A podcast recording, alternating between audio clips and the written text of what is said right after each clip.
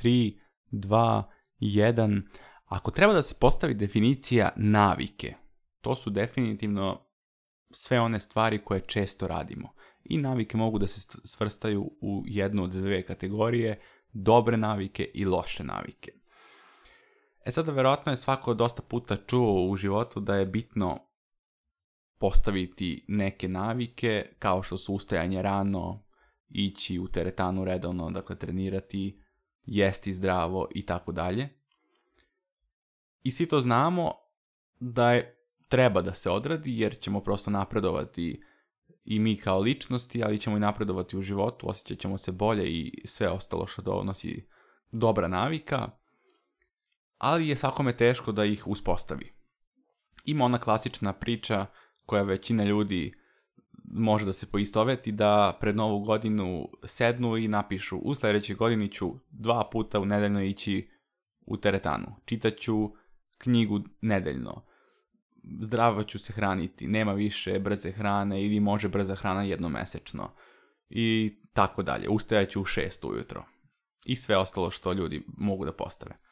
I desi se da počne nova godina i da možda čak prvih dana se ispunjava sve što su, što su zacrtali, ali onda dođe jedan dan da su umorni i kažu, e, preskočit ću večeras teretanu, stvarno sam umoran, nadoknadit ću to. I onda to isto veče, kad već preskaču teretanu, ajde da preskočim zdrav obrok, mogu bih hamburger za, za večeru da imam. Radio sam nedelju dana e, naporno, sad mogu malo da se opustim. I može čak nakon tog dana oni nastave opet po svojim navikama, ali dešava se da sve kako vreme više prolazi, sve manje manje su motivisani da nastave da prate te navike i mjesec dana kasnije oni su se totalno vratili svojim starim navikama, odnosno starom načinu života iz prošle godine. To je greška koju ljudi prave u startu zbog, zbog koje ne uspeju da održe te navike, a to je da odjedanput postave mnogo navika koje žele da prate. Dakle, odjednom žele da čitaju jednu knjigu nedeljno, da idu dva ili tri puta u teretanu, da ustaju odjedan put umjesto u 10-11 što ustaju, da ustaju u 6 odjednom ujutro svaki dan. I to prosto nije lako i nemoguće je motivisati se za tako nešto, posebno ako se vodio vrlo neodgovoran život pre toga. Dobar pristup postavljanju navika je da se postavljaju malo po malo. Dakle, ne možemo mi da očekujemo da neko ko nikad nije trenirao dođe u teretanu i podigne 100 kila iz benča, na primjer. Ne, nego će se desiti da će taj otići u teretanu i podići će 10 kila iz benča. I podići, podizat će tako prvih mjesec dana. I onda će nakon mjesec dana imati sve moguće upale, bit će mu teško, ali u jednom momentu nakon mjesec dana već tih 10 kila će mu postati malo. Onda će povećati na 12, pa će povećati na 15, pa će povećati na 20, pa će nakon godinu dana možda doći do 50, pa će nakon dve godine možda doći do 100. I sad može ne, e, argument je validan ih ko će da izdrži dve godine da e, redovno trenira i da bi dostigao do toga. Da, teško je. Ali kada se postavi tako mali korak pred sobom za početak, znači nešto što samo debil ne može da postigne, onda ti prosto bude neprijatno da ne postigneš to. Znači, na primjer, hoćeš da pročitaš knjigu nedeljno. Ne, to je loše. Treba da pročitaš jednu stranicu nedeljno, za početak. I neka ti to bude, e, neka ti to bude cilj. Bukvalno prvi dan u nedelji sedneš i pročitaš jednu stranicu knjige. I to je to. Možeš da zatvoriš knjigu. Postigao si svoj cilj za tu nedelju. I kada tako male korake postavljaš, prosto ti nekad neka ćeš sesti pročitat ćeš jednu stranicu i onda će da kažeš ih pročitao sam jednu za dva minuta, ali da još jednu pročitam.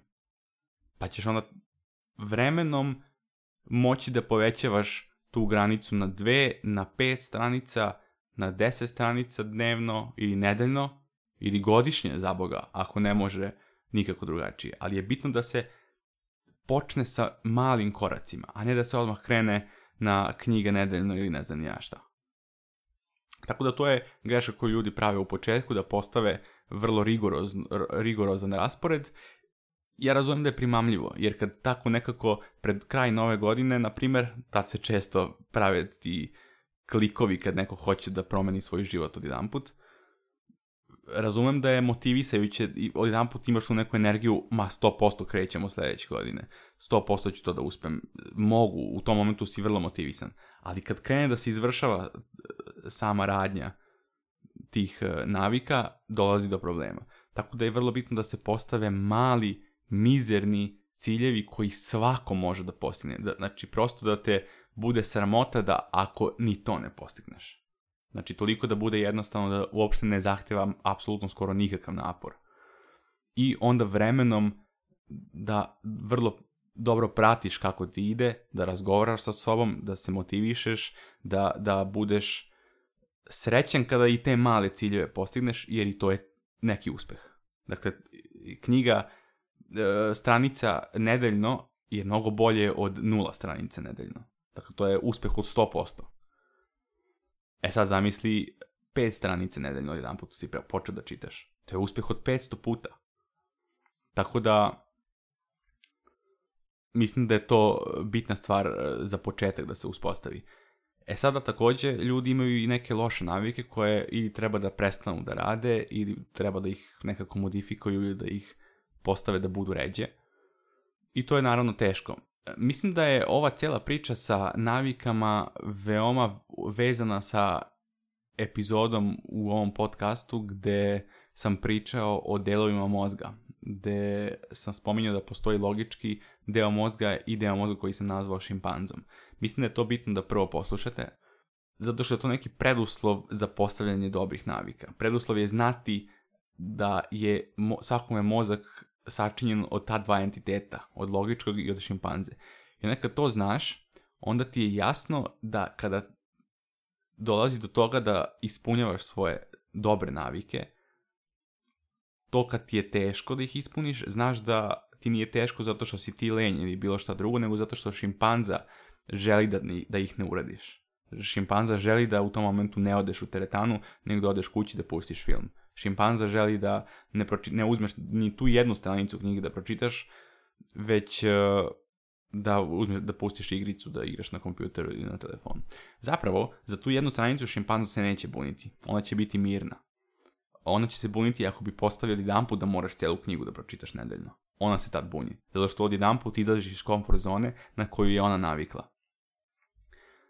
Tako da upravo tu je i neka, tu i neki razlog zašto se postavljaju u početku mali. Da ne bi budio tu šimpanzu odjednom nego da bi počeo da implementiraš svoje dobre navike mimo njenog znanja na neki način.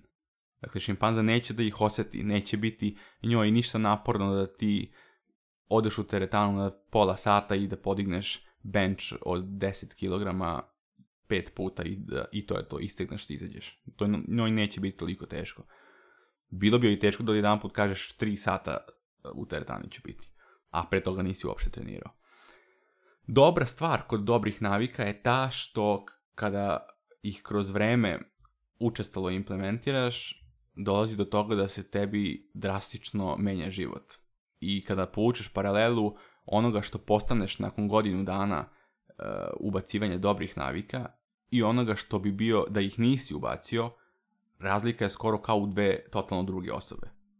Dakle, godinu dana od slušanja ovog videa ako vi sednete i krenete da implementirate dobre navike, godinu dana od ovog momenta vi možete da budete totalno druga neprepoznatljiva osoba nego što ste u ovom momentu, da samo nastavite svojim životom koji, eh, koji, koji je sačinjen od pregršt loših navika. I to je jedna od motivacija koja može da bude da bi se te navike redovno izvršavale. Ali bitna stvar je ne preterivati u startu, već vremenom kako uspevaš da se navikneš na te, do, na te nove navike koje si uveo, vremenom da ih pojačavaš. I dešava se još jedna fascinantna stvar, kada ti neku naviku e, dugo vremena konstantno imaš u svojoj dnevnoj rutini, dešava se da ti ona postaje sve lakše i lakša. Dakle, to nije nikakav mit, to je zaista tako. I to isto također ima veze sa tom epizodom oko dela mozga i šimpanze, zato što rekao sam da kada uradiš nešto što logički znaš da treba da uradiš. Tebi se prokrvi taj deo mozga i taj deo mozga ti postaje jači. Šimpanza postaje slabija. I onda kada neku rutinu izvršavaš toliko puta, da si toliko puta već odlučio između logike i šimpanze i prešao si na logičku stranu, ipak si odradio tu, tu rutinu, dešava se da šimpanza svata, da nema šanse da, da se izbori kada god želiš da uradiš to i prosto prestane da se buni u tim momentima. Sačeka da to odradiš što imaš jer zna da, da će izgubiti svaki put i zna da imaš dovoljno jak stav da će da odradiš tu rutinu pa makar bilo šta bilo. Naprimjer, neke rutine koje imamo koje su dobre, naprimjer pranje zube pred eh, spavanje, godinama to radimo i prosto svakome više nije ni teško da prosto opere zube pred spavanje i legne u krevet. E tako isto se dešava i sa svim ostalim rutinama koje koje se postave. Ja, na primjer, kad sam bio u srednjoj školi, trenirao sam futbal i to se znalo da je trening jednom, nedeljno, jednom dnevno 5 dana u nedelji. I u početku, kad sam krenuo da treniram, to je bilo problem, ali desilo se do toga da ja prosto znam, imam pre škole e, trening, ako idem po u školu, ili imam posle škole trening ako idem prepodne u školu i to je to, nema govora o tome. Znam da idem i, i to je to, nije mi teško, prosto ušlo mi je u rutinu do toga da kada sam prestao da eh, treniram i kada sam otišao na fakultet, ja sam morao da nastavim da treniram. Prosto mi je ušlo u rutinu ta dobra navika i nisam mogao bez treninga. Ja onda sam nastavio samo da idem u teretanu. Tako da, o tome treba razmisliti i definitivno treba početi polako, posebno ako si neodgovoran život vodio do sada, a onda vremenom pojačavati i dešava će, dešavat će se da vremenom postaješ mnogo bolja verzija sebe nego što, nego što si trenutno. To je to za ovu epizodu. Hvala na slušanju Neuroprizma podcasta. Možete da nas slušate i na YouTube-u i na Spotify-u. Čujemo se u sljedećoj epizodi. Pozdrav!